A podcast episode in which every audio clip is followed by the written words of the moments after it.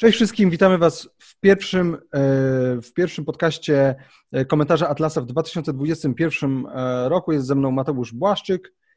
Hej, cześć, szczęśliwego nowego roku, wszystkiego najlepszego, aby 2021 był znacznie, znacznie lepszy dla każdego z Was niż poprzedni. To takie krótkie życzenia.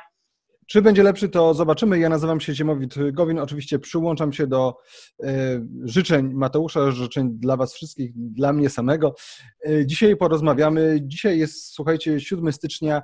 Wczoraj wieczorem czasu polskiego y, stała się bardzo dziwna rzecz, rzecz, której przynajmniej ja bym się w ogóle nie spodziewał. Mianowicie doszło do szturmu na Kapitol. Chodzi o to, że część E, to znaczy był, e, był, był protest skrajnych zwolenników e, Trumpa. I ten protest niestety skończył się tym, że po prostu ci zwolennicy Trumpa, część z nich po prostu udało im się przebić do Kapitolu. Ta policja kapitolowa była, była bezradna, byli w Izbie Reprezentantów, byli na, byli na deskach Senatu, włamali się do wielu biur. E, reprezentantów, wiele rzeczy zniszczyli. E, właściwie rzecz była bardzo gorąca. Dzisiaj właściwie to, to, całe, to, całe to sprzątanie tego wszystkiego odbywało się w nocy czasu e, polskiego. Z tego co wiem, to już teraz jest tam spokój. Niestety cztery osoby zmarły, zginęły podczas tych, podczas tych znaczy, zamieszek. Jedna, jedna kobieta y, była żołnierka E, wojska USA została po prostu wprost zastrzelona i zginęła na miejscu. Natomiast trzy pozostałe chyba e, no, bardziej przypadkowo, że tak powiem. E, w każdym razie jedna, jedna młoda kobieta została wprost po prostu kulka, kulką i zginęła. Tak, i tutaj tak, i, i, i to oczywiście oprócz tych y, no, czterech tragicznych śmierci, no to y, cały, cały świat się temu przyglądał, cały świat to y, krytykował, było bardzo gorąco. Ci z Was, którzy to śledzili, tak jak ja wczoraj na e, bieżąco, no to widzieli, że i też na Twitterze po prostu wariował wszystkie strony, e, wszystkie media e, wariowały. No i tutaj wiele osób chciało, żeby Trump jednoznacznie powiedział tym, tym osobom, żeby stamtąd po prostu poszły. No i niestety tutaj ja już przechodzę trochę do jakby komentowania tego, bo ja też czytałem i tweety Trumpa i tę jego wypowiedź, po której Twitter i Facebook postanowiły na jakiś czas zablokować konto e, Trumpa. Mianowicie po tym, jak Trump nagrał e, swoją wypowiedź, że on jest z nimi, że on ich rozumie, że te wybory zostały sfałszowane, zostały ukradzione. Idźcie do domów. No i to faktycznie ja, ja tutaj się zgadzam ze wszystkimi, że to było zdecydowanie za mało, za mało, bo to tak, tak naprawdę się mówi, że te osoby, które tam poszły, to zrobiły to dlatego, że właśnie wierzyły w tę narrację, że wybory zostały sfałszowane. My zrobimy osobny, długi odcinek o wyborach, gdzie będziemy analizować wybory, to jak to wyglądało włącznie z kampanią e, wyborczą i też nie tylko. E, natomiast no, dzisiaj chciałbym się, chciałbym się jakby tak w skrócie, jakby muszę się do tego odnieść, no bo jednak wszystkie, e, wszystkie sprawy, które poszły do sądów e, amerykańskich, jeżeli chodzi o to, czy wybory były fałszowane, Trump, jego team prawników po prostu przegrał. Mimo to Trump cały, cały czas powtarzał, że cały czas powtarzał, że wybory były sfałszowane.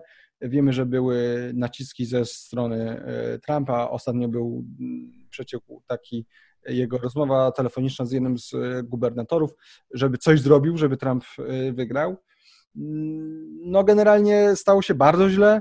E, dziwi mnie szczerze, że reakcje służb amerykańskich, służb mundurowych były tak delikatne wobec tych osób, bo to jest jednak kapitol, to jest kongres, więc wydaje mi się, że, że tutaj ta reakcja powinna być zdecydowanie no, bardziej, bardziej zdecydowana. I mnie dziwiło, że wiele osób stało pod tym kapitolem tuż przy drzwiach przez, przez ileś tam godzin, nic się nie działo. W trakcie wiele osób wciąż było w środku. Dziwi mnie też i mnie szczerze oburza, że e, flagi Gatsena tam powiewały. To w ogóle był jakiś absurd. To znaczy skrajni zwolennicy Trumpa z flagami Gatsena, no tutaj jest jakieś pomylenie z poplątaniem. I teraz, żeby właśnie nie wchodzić jeszcze w tę kwestię w tę kwestię wyborów, bo tak jak powiedziałem, zrobimy osobny odcinek. Natomiast to, co zrobił Trump, to, co zrobił Trump, to y, tak naprawdę y, to, to co on, to znaczy oczywiście, no on jest bezpośrednio bo tutaj się ludzie mówią, że y, on jest odpowiedzialny politycznie i moralnie. Ja myślę, że w dużej mierze jest to prawda, biorąc pod uwagę jego ciągłe twierdzenia bezpodstawne, bezpodstawne, że wybory były sfałszowane. Natomiast no, tak naprawdę Trump i ci ludzie po prostu zrobili wielką szkodę Stanom ich wizerunkowi, zrobiły wielką szkodę, już pomijam szkody materialne, które tam zostały wyrządzone w, w, w Kapitolu, ale też to, była, to jest ogromna szkoda dla republikanów jako takich i to jest po prostu pożywka dla amerykańskich, liberalnych, mainstreamowych mediów. No i tutaj wszyscy zgodnie, wszyscy zgodnie kry, krytykowali to, to całe wyda, wydarzenie, nazywano to puczem, nazywano to w bardzo różny sposób. No tutaj żeby była jasność, ja też to zdecydowanie potępiam, to po prostu próba rządów motłochu, rządów e, tłumu. Ja tu przypominam, że e, walka z państwem jest uzasadniona, jeżeli to państwo jest autorytarne, jeżeli to państwo wprowadza e, całkowitą cenzurę, ogranicza wolność słowa w zdecydowany sposób. To nie jest ta sytuacja. To nie jest ta sytuacja. Dla mnie to jest po prostu garstka pomylonych ludzi, E, ludzi, którzy chcą robić zamieszki i no, czy jest mi naprawdę smutno, że w ogóle do tego doszło. I też jestem zły na Trumpa, bo, e, bo tak naprawdę, bo tak naprawdę on mógł spokojnie z twarzą z tego wszystkiego wyjść, ale no najwidoczniej on nie chciał też. E, dzisiaj rano tam było jego przemówienie, no, że on uzna to przejęcie władzy przez Joe Bidena. E, te głosy elektorskie już zostały zatwierdzone przez, przez, przez e, kongres. No i, i co? No i, ale, ale na przykład powiedział, że on jest najlepszym e, prezydentem Stanów w całej historii. No, to nie służy dobrze, bo, ale już nie chcę dalej wchodzić, ponieważ to będzie wątek na specjalny odcinek, jakby powyborczy, Y, myślę, że tu będziemy mogli dużo mówić. Jeszcze raz podkreślę, to, co się wydarzyło, było absurdalne, było surre, surrealistyczne, no, znaczy, naprawdę no, nie spodziewałem się, że do czegoś takiego może dojść.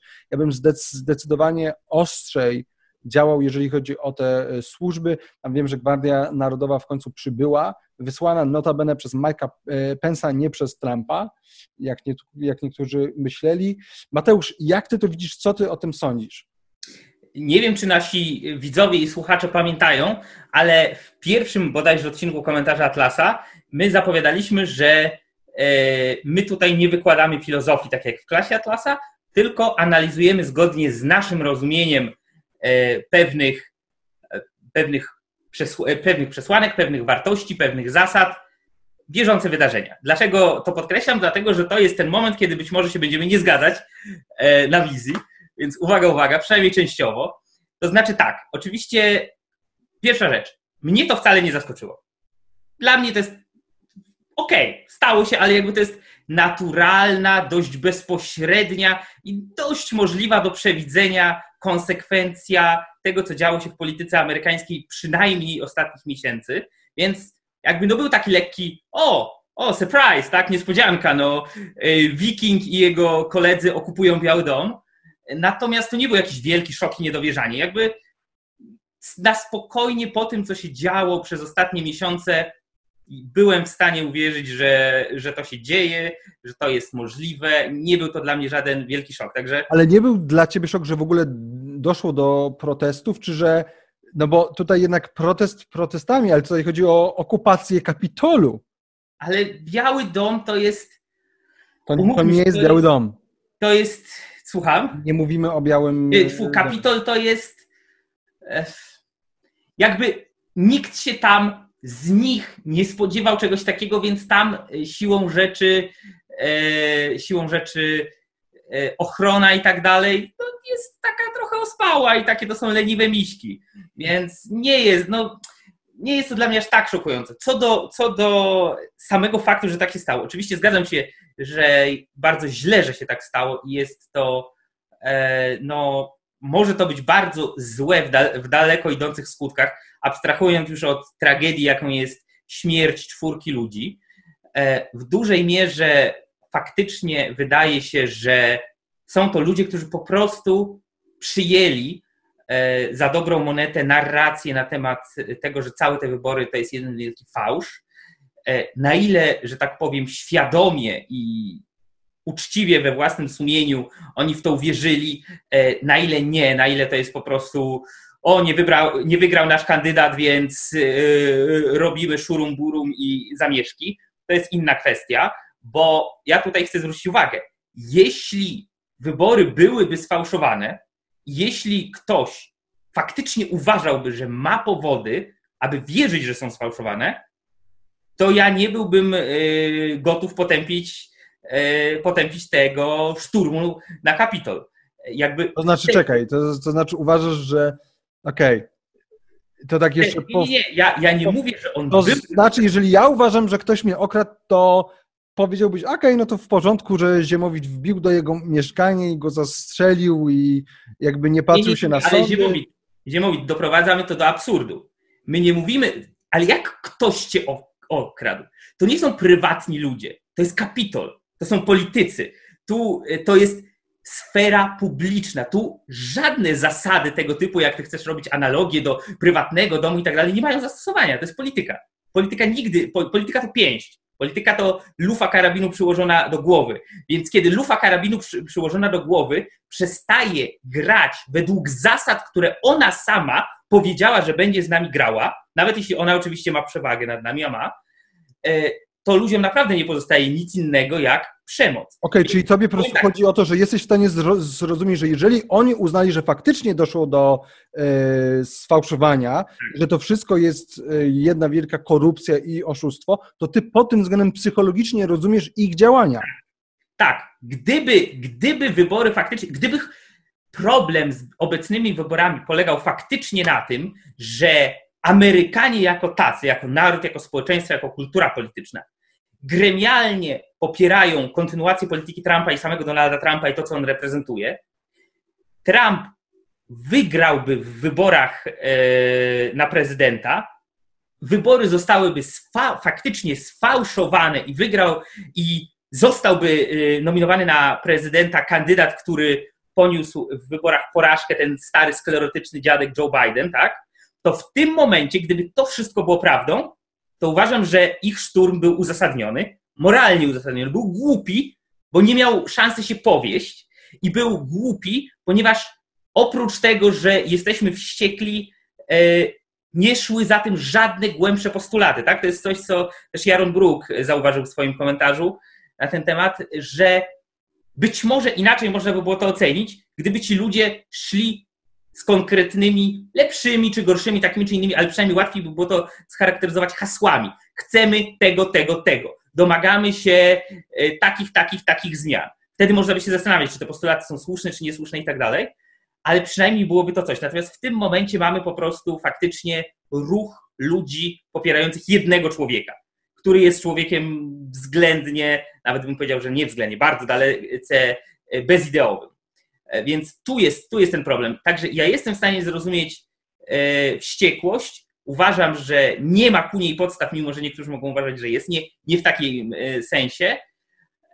Nie jestem tym specjalnie zaskoczony. Reakcja z ochrony Kapitolu też jakoś nie spodziewałbym się tu niczego więcej. Natomiast jest jeszcze tylko taka kwestia, sprawa, że jakby ważąc proporcje, i porównując na przykład, bo e, część mediów, zarówno tych tak zwanych prawicowych, jak i tych tak zwanych lewicowych, dokonuje takiego zestawienia, robiąc słuszny protest i słuszny bunt kontra niesłuszny protest, niesłuszny bunt, godny potępienia. I oczywiście obydwie strony odwracają tutaj znak plusu, plusa i minusa, natomiast jest porównywane protesty Black Lives Matter z tym, co się w tej chwili dzieje.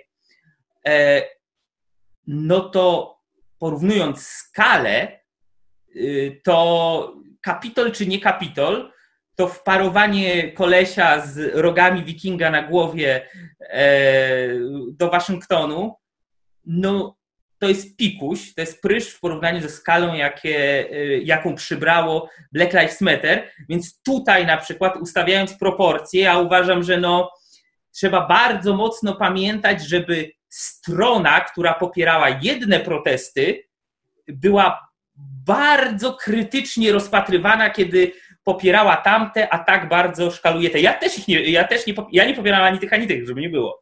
Ale no musimy znać pewne proporcje, tak? To znaczy tak, to, to dwie rzeczy. Może pierwsza rzecz jest taka, jeżeli chodzi o tę stronę konserwatywną, prawicową w Stanach, to wszyscy to y, potępiają. Blaze TV, Ben Shapiro, Dave Rubin może troszeczkę mniej, ale jednak też. Wszyscy, znaczy wszyscy. No, Mike, Mike Pence został przez około Trumpowy obóz nazwany zdrajcą, tak?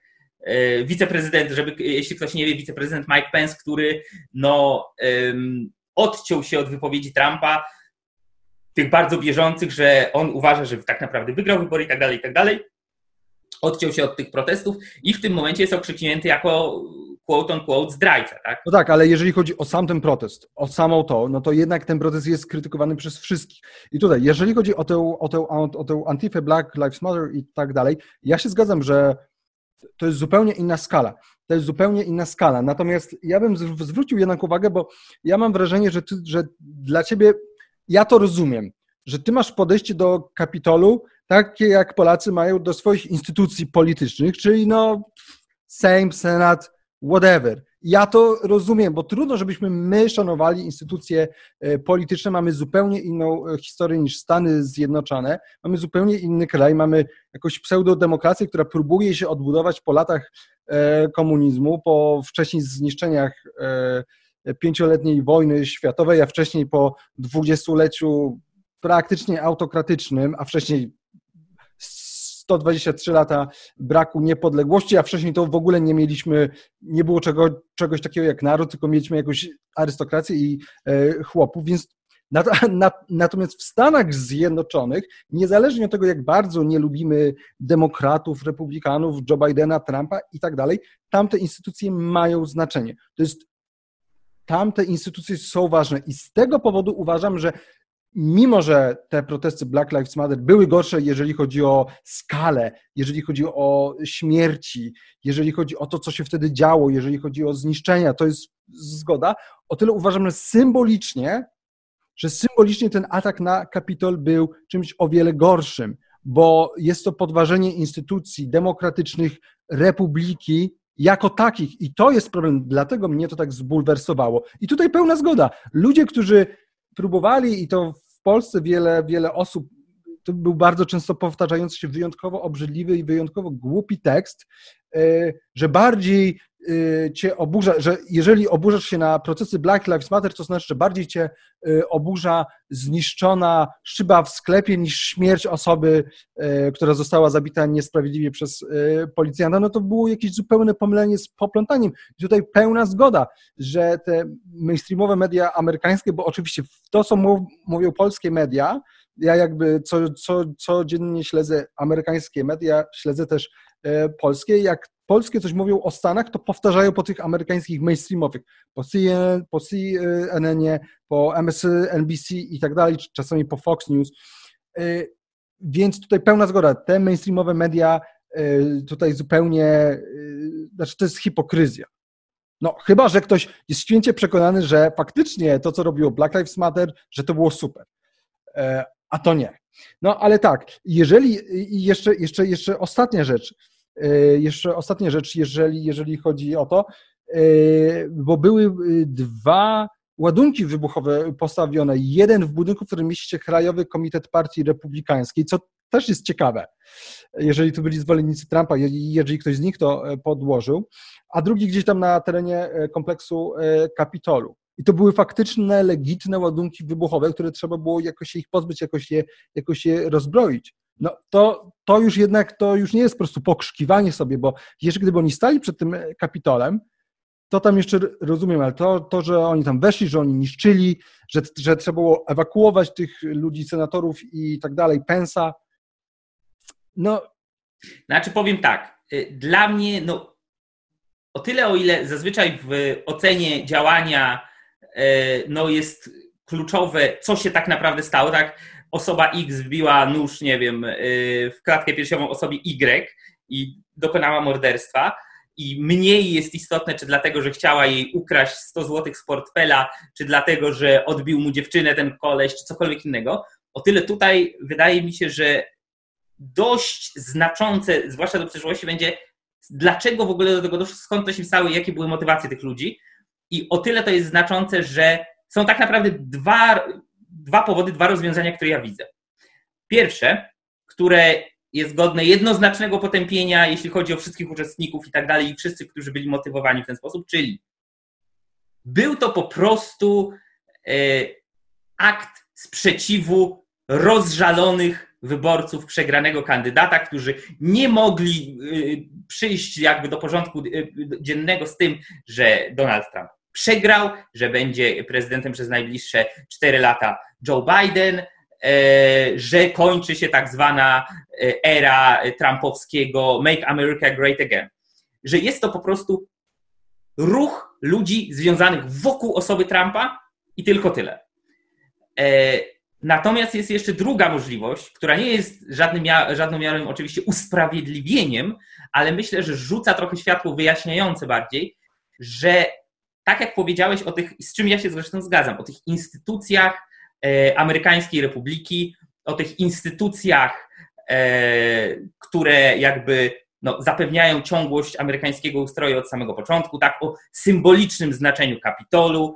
E, ja się z tym wszystkim zgadzam, z tym, że jestem w stanie sobie wyobrazić, że ci ludzie są już w takim, słusznie czy nie, na chwilę to zostawmy, są już w takim położeniu, w takim, tkwią w takim przekonaniu, już tak daleko dla nich to zaszło, że według nich ta republika i te instytucje nie reprezentują już tego, co reprezentowały kiedyś, co powinny. Wobec tego są tak naprawdę fałszywe. To jest taka oszukańcza klasa polityczna. No nie bez powodu się za czasów Trumpa jeszcze nawet i wcześniej mówiło o tym e, drain the swamp, tak? E, tak? Żeby osuszyć to bagno. I jestem w stanie sobie wyobrazić, że część ludzi uznała, że okej, okay, jeśli nie da się ususzyć y, tego bagna w procesie politycznym. Jeśli Trump tego nie zrobił, bo nie mógł, albo nie chciał, albo zawiódł, albo cokolwiek innego, no to może się trzeba posunąć do radykalniejszych kroków, takich jak fizyczny atak na Kapitol. Tyle, że jeśli by tak nawet było, to gdzie są postulaty tych ludzi? Tak? W sensie, czego oni chcą? Co oni konkretnie niosą na sztandarach. A to jest też bardzo zabawne, co noszą na sztandarach, bo e, względnie, nie mówię, że nie było, względnie niewiele było flag amerykańskich wśród tych ludzi.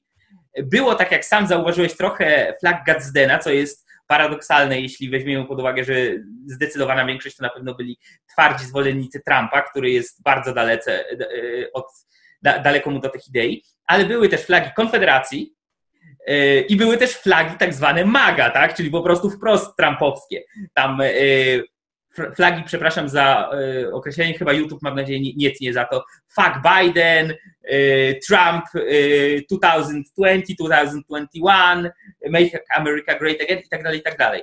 Więc teraz pytanie, ile osób z tego miszmaszu ludzi tam to są po prostu fanatyczni i e, lekko świrnięci, zawiedzeni wyborcy Trumpa, a ile osób to są ludzie, którzy E, tak naprawdę uważają, że chodzi po prostu już o to, że republika, e, jaką są Stany Zjednoczone, nie spełnia swojego zadania, nie reprezentuje ich jako obywateli e, i jest tak naprawdę stała się czymś antyamerykańskim, co czego nie da się już naprawić w normalnym, klasycznym, republikańskim procesie politycznym, a trzeba naprawić jakąś drugą amerykańską rewolucją. Tak? Przy czym oczywiście znowu, nawet jeśli tak uważają, to nie jest usprawiedliwienie, ale coś by to jednak wyjaśniało. No i oczywiście nawet gdyby tak uważali, to no, no, no znów się powołam na tego wikinga z rogami, no w ten sposób raczej się nie robi skutecznego politycznego przewrotu, no ale to już inna inszość, tak? Ale ja bym tutaj jakby tak Dobrze, ale to, niuans, zniuansował to. Ale to w takim razie musielibyśmy też zniuansować Black Lives Matter, bo tak. tak Okej, okay, okej, okay, czyli tak. tutaj konsekwentnie... Ja się zgadzam, ja się, ja się, jak najbardziej zgadzam, bo są normalni, uczciwi, porządni obywatele, którzy biorą udział w protestach Black Lives Matter, bo naprawdę uważają, że e, trzeba zrobić coś z tą tak zwaną systemową opresją albo z tym, że czarnoskórzy są w inny sposób traktowani przez służby policyjne i tak oni to robią w dobrej wierze, e, po prostu idą w milczącym proteście, niekoniecznie rzucają we wszystko kamieniami i tak dalej. Więc tak, ja bym, to ja bym to ten sposób to, no mówiąc zniuansowo, no niech będzie, e, że tak jak jest Black Lives Matter, gdzie są różni ludzie, duża część jest ogłupiałych albo z bardzo niemoralnych powodów, ale duża część nie. I jest powiedzmy to takie jądro, nazwijmy to antyfiarskie, które jest. No, mów, mów. Jednoznacznego potępienia. Tak samo i tutaj domyślam się, że może być w tym ruchu dużo osób, które wzięło w tym udział z zupełnie innych pobudek, plus są właśnie ci hardkorowi trampiści, którym chodzi tylko i wyłącznie o to, że no, ich kandydat przegrał, tak? I, I robimy wobec tego pucz, czy na, nawet nie wiem co, bo ciężko w zasadzie powiedzieć, co oni e, chcieli osiągnąć, tak? No dobra. No, no, co, co oni sobie wyobrażali? Jakie, jakie, jakie cele, tak? Znaczy, no, okay. ja mam wrażenie, że część z nich, no to po prostu, wiesz, taki white trash, który chciał się zabawić, tak jak widzimy te zdjęcia, tak. że tam oni sobie robią zdjęcia, nie wiem, ten koleś, bardzo takie znane zdjęcie e, z nogą postawioną na biurku w jednym z biur e, bodajże to była, nie pamiętam czyje to było biuro którejś demokratki, nie pamiętam której, czy to przypadkiem nie było, wydaje mi się, że to było e, Pelosi biuro. No w każdym razie tak czy siak, e, jakby ja mam wrażenie, że to się przerodziło w taką jakąś trochę zabawę, e, a nie było to nic poważnego, na pewno to nie było nic przygotowanego. Dobra. Tyle... Ale no tylko powiedzmy, że o czym będziemy jeszcze mówić, ale jaką mamy sytuację? Prezydentem będzie Joe Biden, wiceprezydentem będzie Kamala Harris. Joe Biden, który jest osobą starszą, mocno niedysponowaną i wprost, wprost oficjalnie jeszcze niezaprzysiężony prezydent e, powiedział, że on dopuszcza taką sytuację, że w pewnym momencie stwierdzi, że on ustępuje Kamali Harris. On wprost to powiedział, że być może jeśli będę zbyt y, chory, za stary, już stwierdzę, że się nie nadaje, Kamala będzie świetnym prezydentem zamiast mnie. Także to jest już jakby oficjalnie potwierdzone przez Bidena. E, więc to jest jedna rzecz. Druga rzecz, demokraci mają też Senat. E, wobec czego mamy sytuację bez tak zwanego gridlocku, czyli nie ma żadnego szachowania się, że demokratyczny prezydent kontra republikański senat, czy vice versa. Nie, wszystko jest w rękach demokratów. Co więcej, republikanie są w dużej mierze w rozsypce, mhm. ponieważ postawili na bardzo konkretnego kandydata, z którym chcą czy nie chcą, będą przez długi czas E, teraz kojarzeni i raczej będzie to dla nich czarny PR niż e, coś, co im w jakikolwiek sposób pomoże. No i, no i rzutuje to dosyć mocno na najbliższe 4 lata sytuacji w Stanach Zjednoczonych, a ponieważ w Stanach Zjednoczonych to także pośrednio i na świecie. Tak, i jeszcze, jeszcze, jest, jeszcze jest jedna rzecz, Y, ja przepraszam, że, wy, że wyłączam wideo, ale mój, mój, mój królik wariuje i muszę, i muszę go trochę e, ogarnąć. E, jeszcze jest jedna ważna rzecz, bo to jest ostatnia rzecz, którą, którą powiem a propos tych wyborów, tak żeby no, nie wyprzedzać tego odcinka, który mamy osobno, osobno nagrać. Wczoraj też w Georgii y, odbyły się wybory, skończyły się już wybory, jeżeli chodzi o dwa miejsca w Senacie amerykańskim. No i, wy, no i wygrało to dwójka demokratów, więc teraz jest. W Georgii, i to, i to warto podkreślić, w Georgii, w jednym z bardziej republikańskich stanów. Tak, tak i co się stało? Teraz Senat jest 50-50, ale wiceprezydentka Kamala Harris też się będzie tam zaliczała, więc mają w Senacie po prostu większość. I teraz, czemu o tym wspominam? Jasne, to jest prawda, że teraz demokraci mają wszystko, mają kongres, yy, mają, mają E, Izby Reprezentantów mają Senat, mają, mają e, prezydenta, na dwa lata mają w pewnym sensie całą władzę, ale to, to już o tym sobie porozmawiamy przy tym odcinku jakby powyborczym, gdzie, gdzie będziemy też analizować i też być może się zastanawiać, co się będzie działo w Stanach Zjednoczonych, co się może stać. Natomiast to, co jest istotne, to to, że wielu wskazuje na to, że w Georgii mogliby wygrać republikanie, gdyby nie to, że Trump cały czas podkreślał, że w Georgii Y, jeżeli chodzi o wybory prezydenckie, doszło tam do y, po prostu masowych y, Oszustw. masowego fałszowania, masowych oszustw wyborczych i że z tego powodu wielu republikanów nie poszło głosować. Oczywiście Trump nie mówił oficjalnie, nie idźcie na te wybory, ale faktem jest, że ponad 90% demokratów wstawiło się, a republikanów tam ponad 80%. I że te kilka procent by zmieniło to, i wtedy faktycznie republikanie mieliby zachowany Senat więc byłby jakiś taki no byłby taki, taki jakiś balans przeciwko y, ale to jest, to jest dość powszechnie podnoszone, że przegrana republikanów w Senacie w dużej mierze przynajmniej pośrednio jest wynikiem no, takiej arogancji, czy buty, czy takiego samozadowolenia e, Donalda Trumpa, więc no, no nie chcę mówić tutaj, jak się pościelisz, tak się wyśpisz, e, natomiast no, z, całą pewnością nie jest to taka sytuacja, nawet jeśli ktoś uważa, tak, były sfałszowane wybory i tak dalej, i tak dalej, to nie jest to sytuacja, w której e, jedna zła strona tutaj dobija brutalnie drugą biedną, niewinną, e, Bogu ducha winną stronę republikańską. No bo republikanie w dużej mierze sami przyczynili się do własnej porażki, moim zdaniem. No, jasne, no, zarówno prezydenckiej, jak i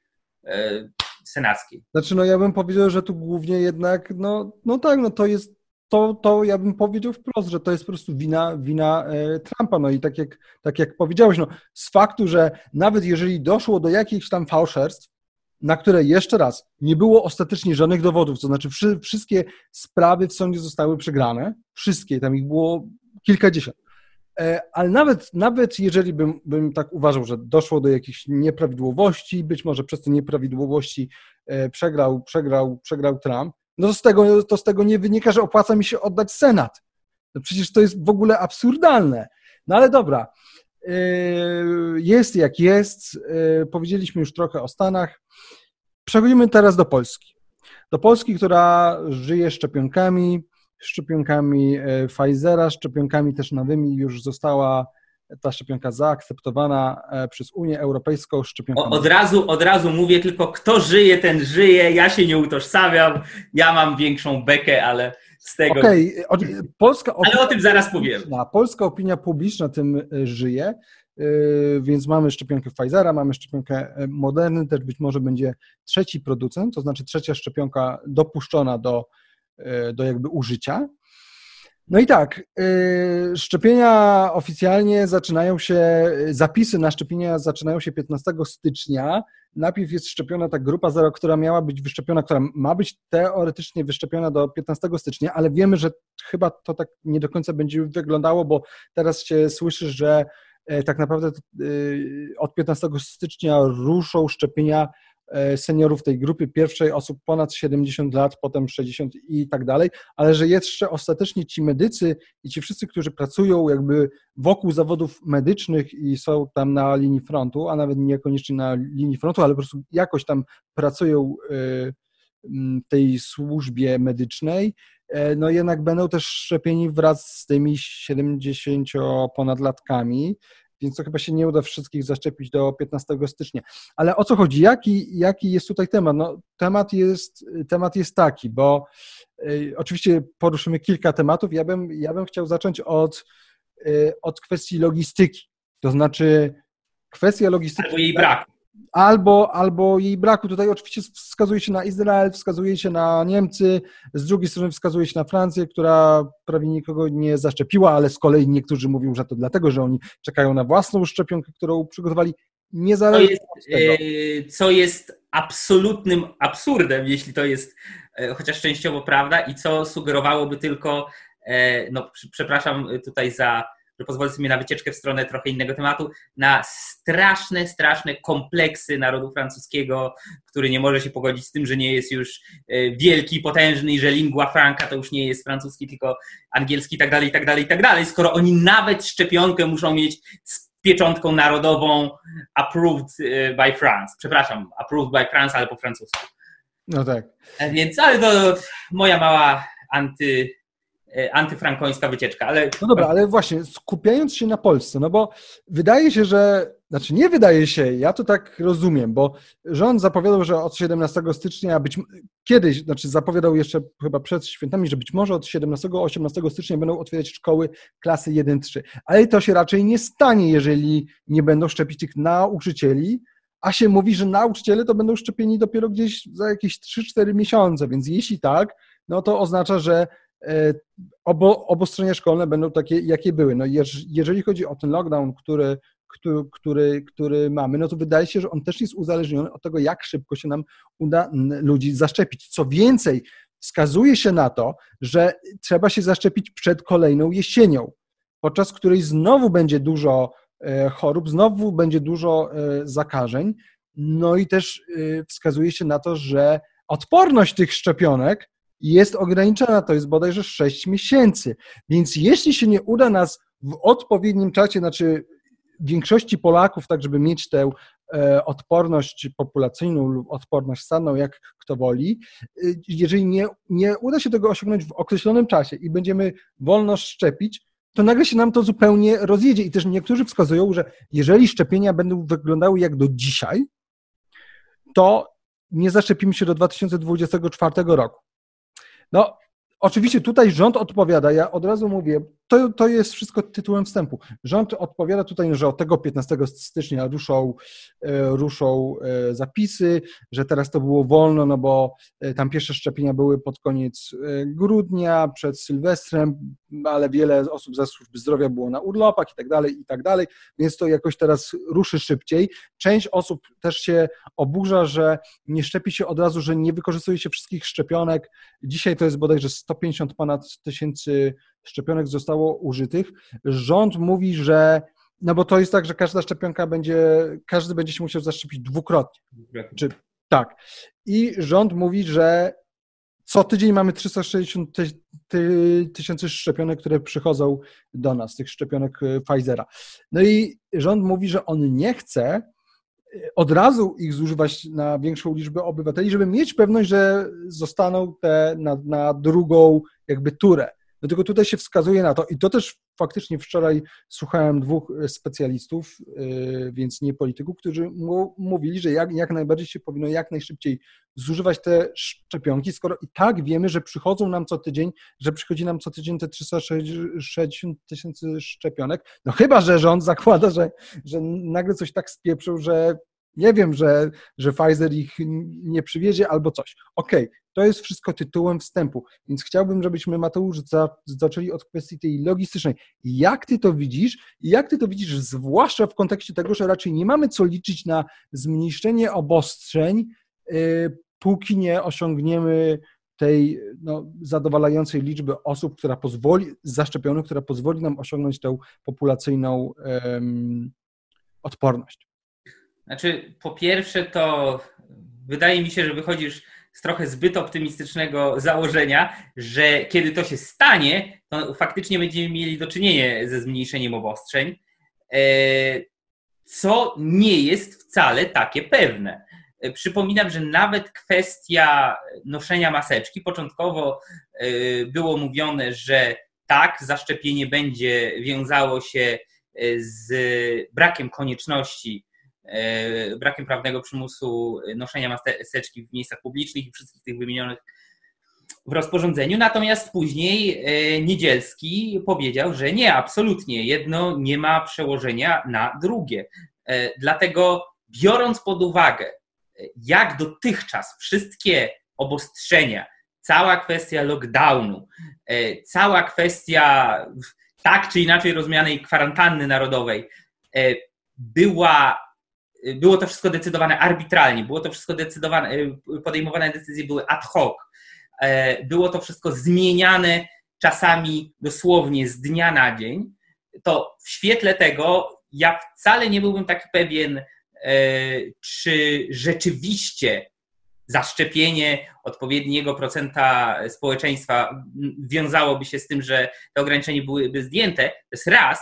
I dwa, e, im gorzej im to idzie, im bardziej niechlujnie, im bardziej e, kiepsko pod względem logistycznym, tak jak ty powiedziałeś, e, im bardziej niepewne jest to wszystko, i to jest dosyć naturalny, naturalne zjawisko psychologiczne, tym większy jest opór ludzi, tym większy jest opór społeczeństwa wobec tego, aby w ogóle się szczepić, tak? E, Chociaż ostatnio ponoć ta afera, o której jeszcze powiemy z tymi celebrytami, z Leszkiem Millerem i tak dalej, sprawiła, że niektóre szpitale i niektóre przekonania mówią, że ludzie ciągle dzwonią do nich, pytając o te szczepionki, że to ponoć zadziałało takie. Tak, Tak, też o tym słyszałem, jak najbardziej. Tak. Ale no to też jest pytanie, tak? E, mamy, e, no mamy większy odsetek ludzi obecnie, którzy chcą się szczepić niż na przykład Francja, ale mniejszy niż na przykład Wielka Brytania, tak, tak dla porównania. E, Wielka Brytania dosyć duży e, taki zrobiła machnięcie, bo na początku to tam nikt się nie chciał szczepić, e, potem nagle prawie wszyscy, ale tak siak. Wydaje mi się, że na dzień dzisiejszy, 7 stycznia Anno Domini 2021, liczba osób w Polsce, która chciałaby się dobrowolnie zaszczepić, nie jest wystarczająca, abyśmy dobili do tego, co jest zwane tak zwaną y, progiem odporności stadnej. A jeśli tak, to teraz pytanie, co dalej? I to jest pytanie, które mnie głównie nurtuje y, w kwestii szczepień, ponieważ y, nie dotyczy już samych szczepień per se, tylko polityki rządu i tego, czy jak oni będą podchodzić do przymusowości bądź dobrowolności szczepień i jak to zostanie rozwiązane ostatecznie. No właśnie, bo nadal jest kwestia, która stoi pod dużym znakiem zapytania. No tak, bo póki co rząd jasno mówił, wielokrotnie politycy PiSu podkreślali, że szczepienia nie będą obowiązkowe i zresztą sądzę, że zdają sobie sprawę, że to na pewno by doprowadziło do, e, no, do wielkiego oburzenia wśród społeczeństwa. Nie, no właśnie też niektórzy się, zas, się zastanawiają na tym, czy nie wprowadzić jakiegoś takiego sposobu e, lekkiego przymusu, tak? Czyli jeżeli się, nie za, jeżeli się zaszczepisz, to będziesz mógł coś tam. Tak, na, na przykład ściągnąć maseczkę, no chociaż tak jak wspomniałeś, e, ta opcja została zdementowana, no ale możemy sobie wyobrazić inne, tak? Ale też w drugą stronę, jeżeli się nie zaszczepisz, to na przykład, nie wiem, nie będziesz mógł wchodzić na pokłady samolotów prywatnych czy nie, albo nie będziesz mógł robić tego, albo owego, nie wiem, nie poślesz dziecka do szkoły. I teraz e, chciałem się ciebie zapytać, co ty o tym sądzisz, o takim sposobie, bo e, słyszałem wywiad wczoraj z e, Robertem Gwiazdowskim, który jest kandydatem na Rzecznika Praw Obywatelskich Konfederacji i PSL-u, przepraszam, Koalicji Polskiej który powiedział, że o ile uważa, że niekonstytucyjne byłoby, byłby nakaz, po prostu obowiązek, że ty masz się zaczepić i koniec, o tyle właśnie takie miękkie sposoby w stylu nie poślesz dziecka do szkoły, jeżeli go nie zaszczepisz, on podał zresztą taki przykład, byłyby konstytucyjne. Ja już nie pamiętam, że on powiedział, że tak się powinno zrobić, chyba, chyba tak nie mówił, ale mówił, że no, on by nie widział w tym problemu. Tak, no najpierw, najpierw zacznę od, nie wiem, czy radykalnej, czy nie, y, tezy, że no, z całym szacunkiem, ale Konstytucja Rzeczpospolitej Polskiej e, z 1997 roku to jest dzisiaj świstek papieru, a raczej kilka spiętych ze sobą świstków papieru. Biorąc pod uwagę, jak bardzo ona była naginana, łamana, lekceważona i tak dalej, to nawet te elementy Konstytucji, o których się mówi, że no Konstytucja jest przeciętna, że to jest efekt bardzo ułomnego kompromisu pomiędzy postkomunistami a solidarnościowcami itd., tak itd., tak nawet te elementy, które tam byłyby jeszcze ewentualnie dobre, są absolutnie bagatelizowane, więc kwestia tego, czy to jest konstytucyjne, czy nie, okej, okay, można porozważać yy, to na zasadzie, czy taktycznie jest się dobrze na to powoływać albo nie. Ale ja bym jednak no, tutaj zaczął, biorąc pod uwagę, że są poważne wątpliwości co do konstytucyjności całego lockdownu per se, no to, no to o czym my jakby mówimy. Więc ja bym się zastanowił, czy w ogóle e, w systemie, e, w systemie społeczeństwa prawa, tak, w systemie państwa prawa w dobrym tego słowa znaczeniu, czyli takim, gdzie faktycznie mamy do czynienia e, z w jakiś sposób skodyfikowanymi prawami, które będą stały na straży praw i wolności jednostki, praw i wolności obywateli, czy możemy e, mówić o takim miękkim albo twardym e, przymusie. No więc ja bym powiedział tak, o twardym przymusie to tutaj się zgadzam z Gwiazdowskim, że absolutnie nie, w sensie, no ja nie, nie wyobrażam sobie sytuacji, albo raczej inaczej, wyobrażam sobie, ale e, jest to raczej wyobrażenie rodem z horroru, sytuacji, w której jeśli, e, a ja znam takich ludzi i wiem, że części się nie da przekonać, część się da e, w różną stronę, ale sytuacji, w której ktoś faktycznie będzie wzywał policję, tak, jakiś felczer czy lekarz, ponieważ ten się nie chce zaszczepić i tak dalej, w kajdankach będą go zabierać, no jakby no to, to, to jest z rodem jak z jakiejś dystopii, naprawdę. Co do miękkiego przymusu, to uważam, że jeśli miałoby być, miałby być stosowany przez e, aparat państwa, to też jestem na nie, ponieważ to jest coś, co się co kiedyś zostało nazwane mniej więcej, to jest zbliżona koncepcja libertariański paternalizm. E, jakkolwiek to nie brzmiało. O co tam chodziło? Tam chodziło o to na przykład, nie zakazujemy ludziom e, jeść cukru, tak, czy spożywać cukru w dużych ilościach, które są szkodliwe, ale albo dajemy tak dużo podatek na cukier, albo tak bardzo utrudniamy dostępność rzeczy, e, artykułów cukrowych, albo no, no bo to nie jest taki zakaz do końca, więc to jest libertariański, no ale trochę jednak się troszczymy, więc to jest ten paternalizm. Ja bym to tutaj porównał, ten miękki przymus szczepionkowy, no okej, okay, no generalnie możesz się nie zaszczepić, ale generalnie to siedź w domu, nie wychodź, nie możesz żyć, nie możesz posyłać dzieci do szkoły i tak dalej.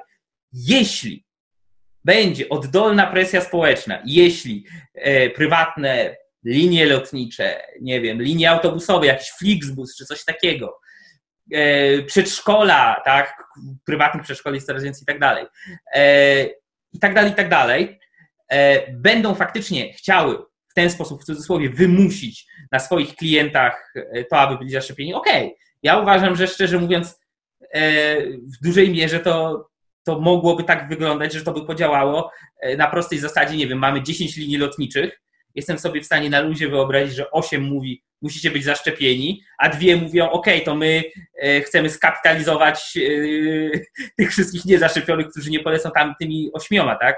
Ale i tak jakby jest to już pewien, pewna sugestia, pewna e, zachęta. Natomiast no, wydaje mi się, że z mojej perspektywy raczej moim zdaniem to jest nie do pogodzenia z jakimikolwiek zasadami wolności jednostki poważnym tego słowa rozumieniu przynajmniej, jest nie do pogodzenia zarówno przymus twardy, czyli pod lufą karabinu idziesz na szczepienie, albo jak nie to w kajdanki, e, jak i przymus miękki, czyli e, możesz się nie szczepić, ale generalnie nie będziesz mógł posłać dziecka do publicznej szkoły, nie będziesz mógł skorzystać e, normalnie z Państwowej Służby Zdrowia, a może, bo ja wiem, nie będziesz mógł chodzić po państwowych ulicach, tak, no bo dlaczego by nie? To też w końcu jest rzekomo własność państwa. Więc no ja uważam, że to jest bardzo niebezpieczny precedens, gdyby taka furtka została otwarta i generalnie jestem na nie. E, zwłaszcza, że jeszcze raz ja to powtarzam, nie, bagateliz nie bagatelizując problemu wirusa, nie bagatelizując problemu e, całego, całej sytuacji COVID-19, nie bagatelizując wszystkich tragedii związanych z cierpieniem i śmiercią, e, no uważam, że wszystkie najczarniejsze scenariusze zwłaszcza jeśli chodzi o światową pandemię na całym świecie, jeśli bierzemy to globalnie, się nie sprawdziły. I nadal uważam, że e, jakkolwiek ważne jest to, abyśmy doprowadzili e, ten wirus do końca, aby ta e, epidemia się skończyła, jakkolwiek ważne jest to, aby pozbyć się tego balastu, tak nadal procent ludzi, wymiernie procent ludzi, którzy umierają na COVID albo faktycznie mają ciężkie powikłania, które będą się wiązały y, z problemami do końca życia, jest niewielki w porównaniu do wszystkich innych tradycyjnych e, zabójców. Więc znowu, to nie jest bagatelizowanie problemu, to jest po prostu ustawienie go w pewnej hierarchii no priorytetów. No i myślę, że tutaj. Y, dlatego ja powiedziałem, że ja mam trochę bekę z tego ciągłego gadania o COVID-zie, bo ja nie mówię, że to nie jest ważne, ale no, znajmy proporcje. No tak, tak, i, i, myślę, że to, że w 2020 roku, e, w listopadzie, znaczy, że w 2020 roku było więcej śmierci, było najwięcej śmierci po II wojnie światowej, z czego wiele tych śmierci nie było covidowych. Tak, teraz, bardzo duża część. teraz się właśnie zastanawiam, jak, jak ty podchodzisz do takiego argumentu, no bo zwraca się na to uwagę. Ja to widzę tak ponieważ służba zdrowia nie była przygotowana i zupełnie logistycznie tego nie przygotowano w jakiś taki racjonalny sposób, wiele osób, które miało inne problemy z sercem, rakiem i tak dalej, y, nie mogły się po prostu leczyć. I wiele z tych osób po prostu, Umarło. tak, ta, ta wielka liczba, ale tutaj y, widziałem wypowiedź Mencena, który mówił, że, że to jest przez obostrzenia. I teraz się zastanawiam, o ile rozumiem argument, że no bez sensu było przekształcać szpitale w taki sposób, że nagle masa ludzi się nie może leczyć na o wiele poważniejsze choroby niż COVID, bo na przykład dany szpital jest nagle cały covidowy, albo nie jest cały, ale mimo to tam wirus się rozprzestrzenia, bla, bla, bla i tak dalej. I rozumiem, że to prowadzi, że to może prowadzić do sytuacji, no, do tych śmierci, tak tam 60 tysięcy ludzi zmarło. I tutaj się zgadzam, że to jest przez zaniedbania rządu o tyle, w jaki sposób, inaczej, co byś odpowiedział politykowi PiSu albo zwolennikowi lockdownów, który mówi, no tak, ale przecież jeżeli otworzymy e, lockdown i gospodarkę w pełni, to będzie jeszcze więcej e, chorych, będzie jeszcze więcej śmierci. No, po pierwsze, to bym powiedział, yy, poprosiłbym podstawy, tak, fakty, dane faktograficzne, yy, na które się powołują, ponieważ owszem, to, to, to, jest, to jest problem. To jest problem generalnie w ogóle tego typu rozważań, że zarówno jedna, jak i druga strona, zarówno ta, yy, nazwijmy, proszczepionkowa, antyszczepionkowa, czy ta prolockdownowa, antylockdownowa, jak zwał, tak zwał, yy, lubi dokonywać cherry pickingu i wybiera sobie takie przypadki, które najbardziej im pasują i można naprawdę dobrać w obie strony. Można udowodnić, że e, w ogóle no jakby nie było tego lockdownu, to byłoby tysiąc razy gorzej, a można też zrobić porównanie krajów, gdzie lockdown był bardzo umiarkowany albo prawie, że nieistniejący, gdzie, gdzie to nie działało, więc ja bym poprosił tutaj twarde dane, bo e, jakby może, może w ten sposób to ujmę to zwolennicy konieczności wprowadzenia lockdownu muszą udowodnić i dowieść potrzeby tego lockdownu i to na nich spocięża ciężar przeprowadzenia dowodu, a nie w drugą stronę.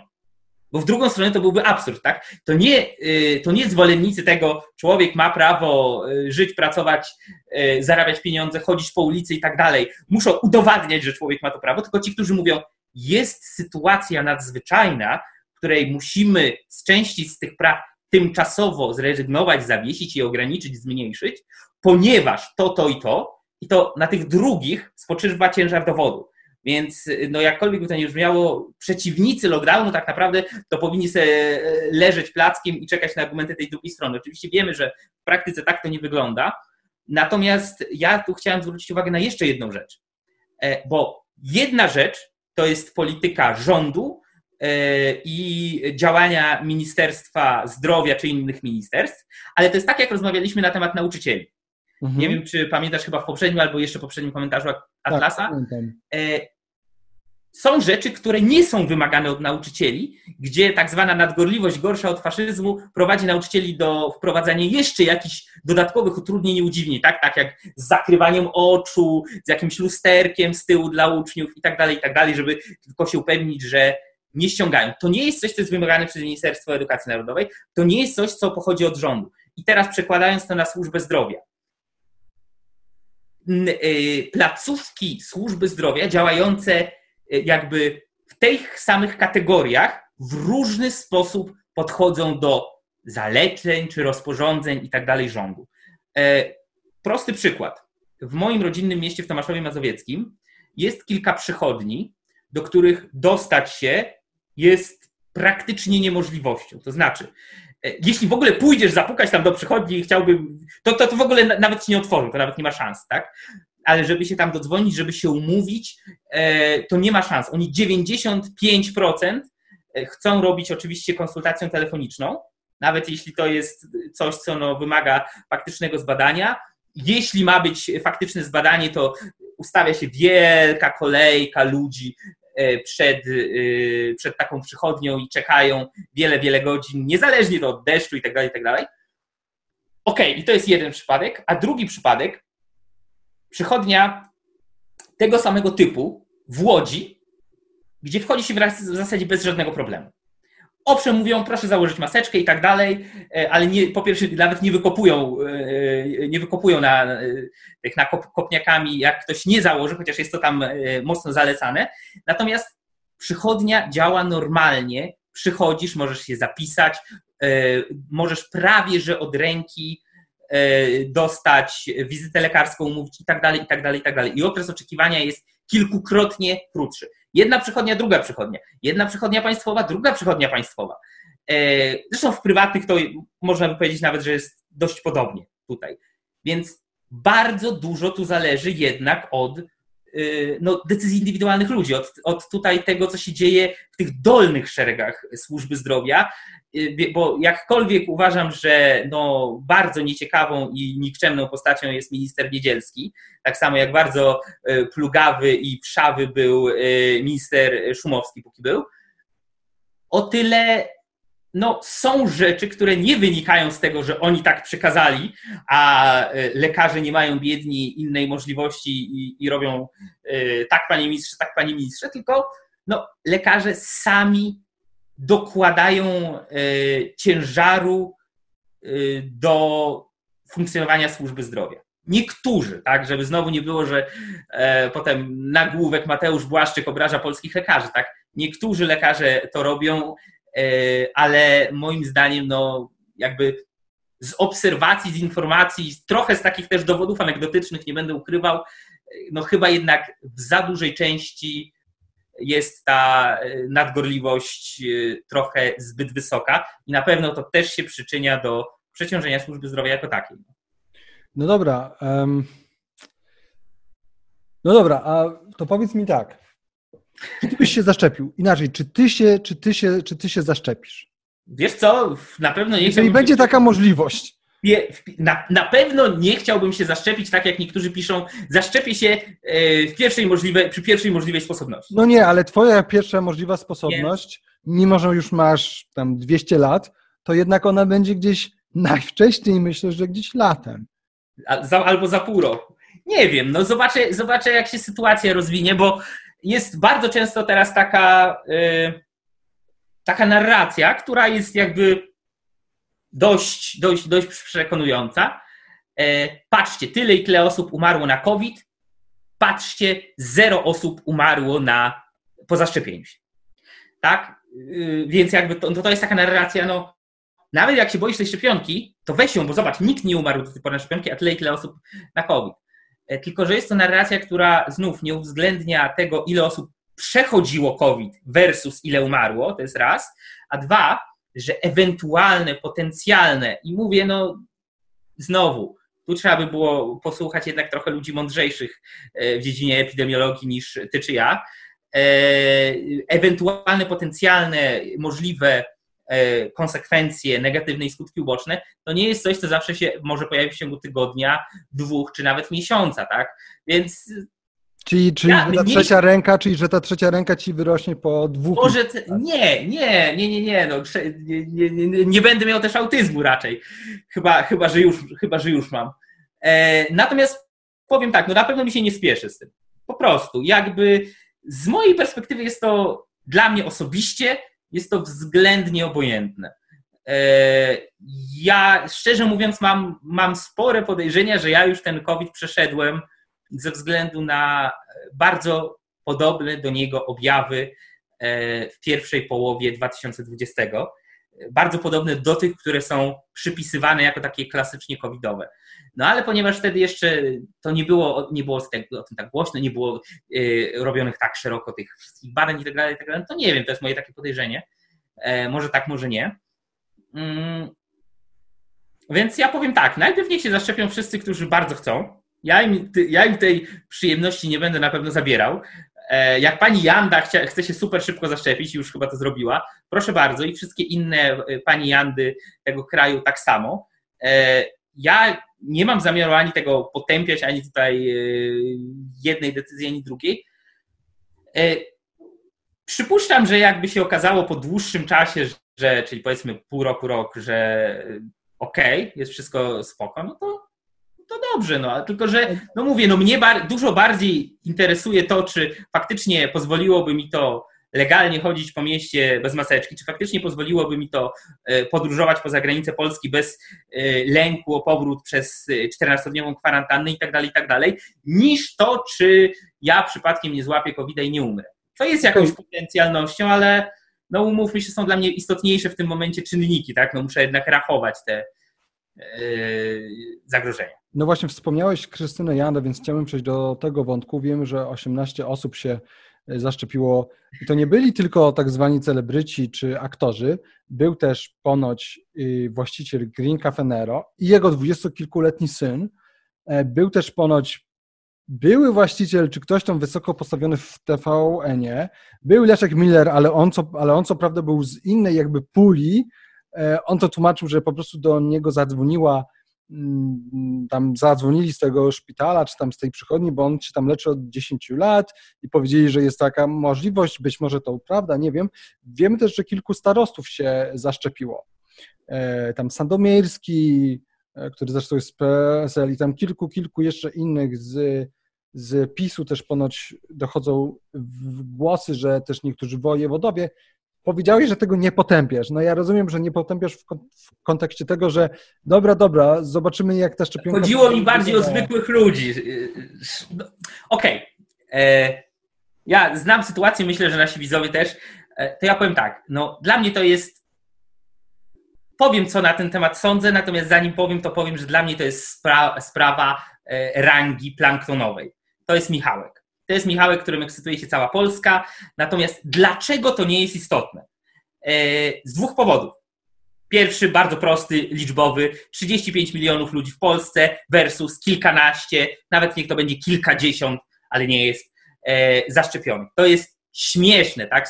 To jest, e, no, no, no, to, jest, to jest zerowa powaga. Mówi się, że to jest kwestia tego, że to są takie święte krowy, święte krowy na przedzie, tak, że tutaj dlaczego oni mieli. Okej, okay, ja, ja rozumiem ten argument, tak, to jest w pewnym sensie niesmaczne, tak. Y, A drugi powód?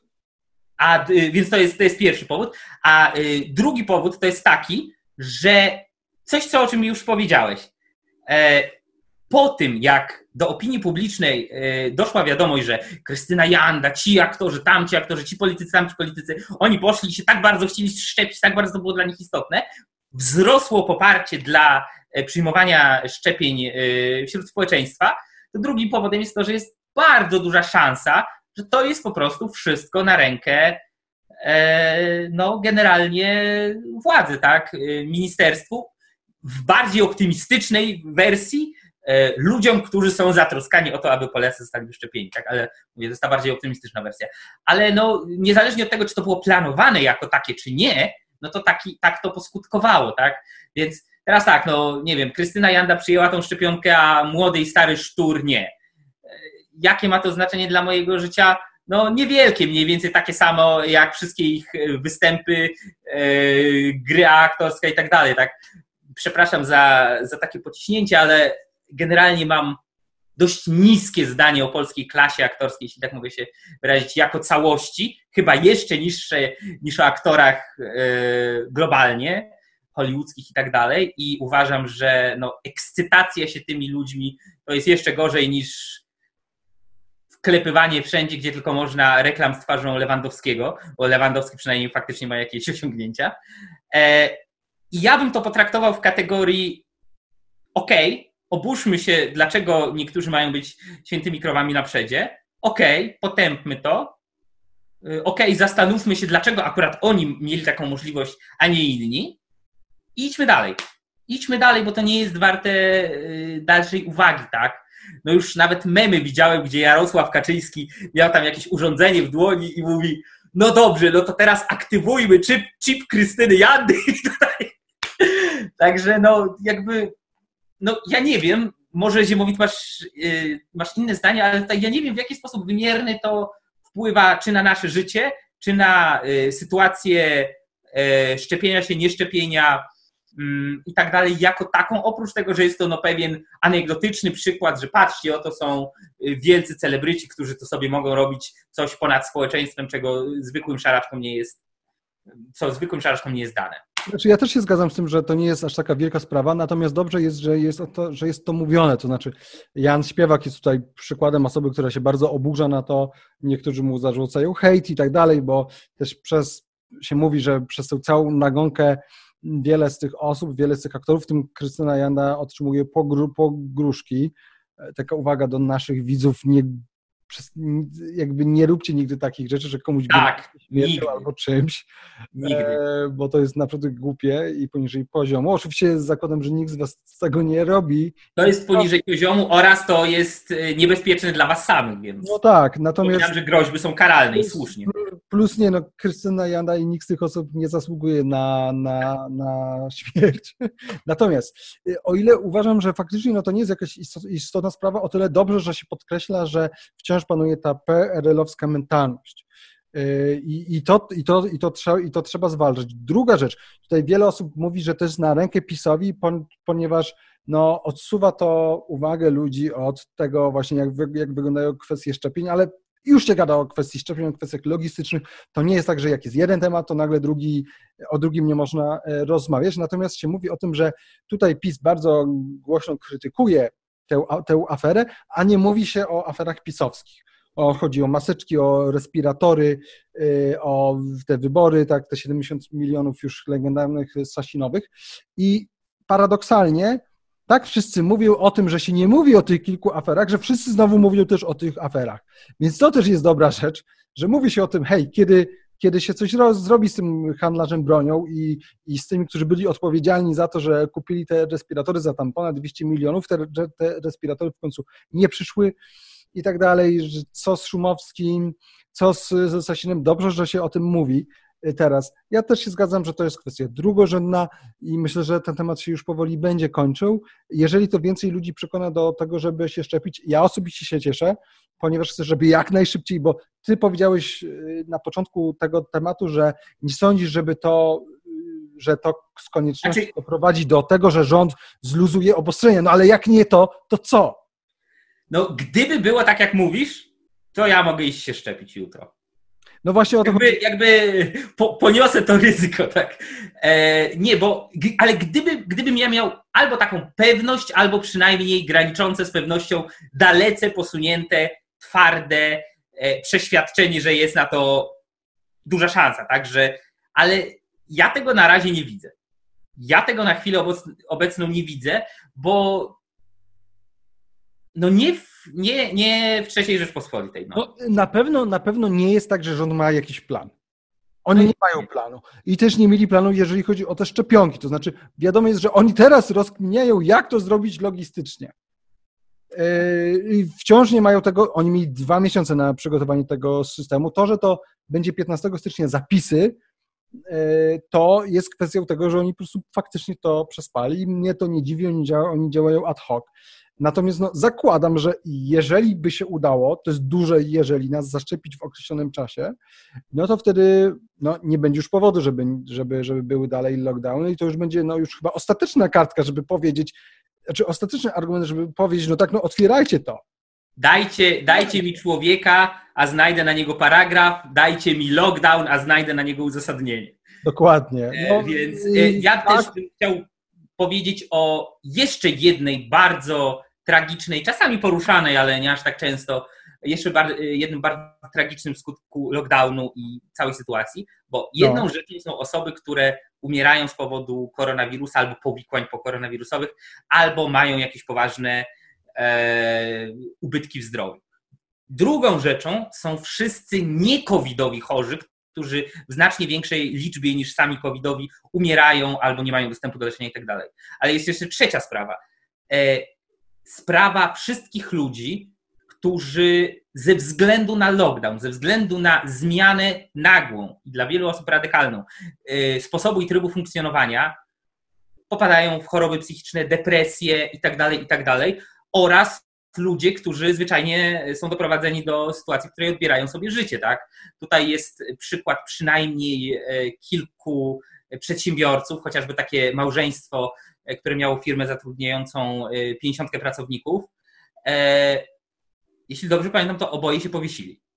I to nie jest jednostkowy przypadek, tak? To, to nie jest może, oczywiście nie idzie w dziesiątki tysięcy, ale, ale to się dzieje i jakby no nie widzę powodu, aby e, ruinę człowieka e, i spowodowane ruiną tego człowieka e, no, ostateczną decyzję o, o popełnieniu samobójstwa traktować w jakiś sposób e, mniej poważnie, czy tak jak niektórzy tutaj e, zwolennicy tych lockdownów bagatelizują te skutki lockdownu, że ha, ha, ha, no tak, no co, co, co ci przeszkadza, że jeszcze ileś miesięcy no nie będziesz mógł normalnie y, wyjść do pracy, ani do kina, ani do baru, ani do... No nie da się tak żyć.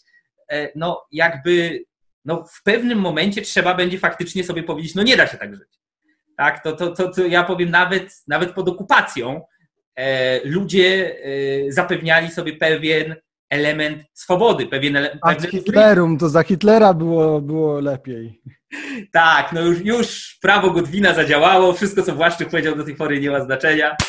E, ale tak, i to jest coś, czego naprawdę nie warto bagatelizować, bo y, skutki psychiczne, skutki społeczne, tak zwane, zwał jak zwał, e, i, i całe to takie odium tych mniej widocznych, mniej bezpośrednich e, skutków czy wyników wprowadzenia lockdownu i całej tej sytuacji, no moim zdaniem będą się odbijać przez lata i mogą się odbijać lata dłużej niż, niż skutki samego wirusa persena, ale pożywimy widim. No yy, tak, to jeszcze na koniec, bo już musimy kończyć.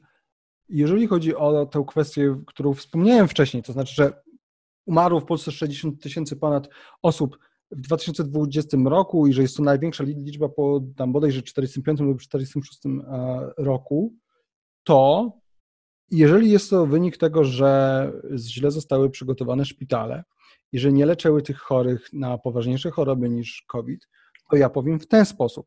To będzie z kolei dla niektórych kontrowersyjna teza. W takim razie trzeba było nie robić żadnych lockdownów, robić tak, żeby leczyć mniej ludzi na COVID, a wszystkie te osoby, które by były leczone, gdyby, gdyby nie ta cała zmiana w systemie służby zdrowia, byłyby leczone. Już lepiej, żeby ktoś nie dostał się do szpitala, bo ma COVID, niż nie, niż nie dostał się do szpitala, bo na przykład ma zawał serca. Nie ma COVID. Bo ma zawał serca. Wtedy mielibyśmy pewnie mniej e, śmierci, nie byłoby lockdownu, nie byłoby samobójstw. Ja właśnie patrzę na mojego królika, który leży, wygląda jakby, jakby zdechł, bo tak leży sobie na boku. Ale nawet kwestia szpitali covidowych. W porządku, jeśli przerabiamy część szpitali na przyjmujących tylko covidowców, to róbmy to e, z głową i z umiarem, a nie na takiej zasadzie, że były okresy, kiedy e, tych szpitali było multum i duża część z nich stała otworem. To jest, wyobraźmy sobie sytuację, mamy e, parking z dziesięcioma miejscami parkingowymi i jedno jest miejsce dla niepełnosprawnych i potem się okazuje, że e, kolejna osoba, która tam parkuje, e, traci nogę, e, więc sobie myślą, ok, to warto by dodać kolejne miejsce dla niepełnosprawnych i zamiast jednego to dodaje się sześć.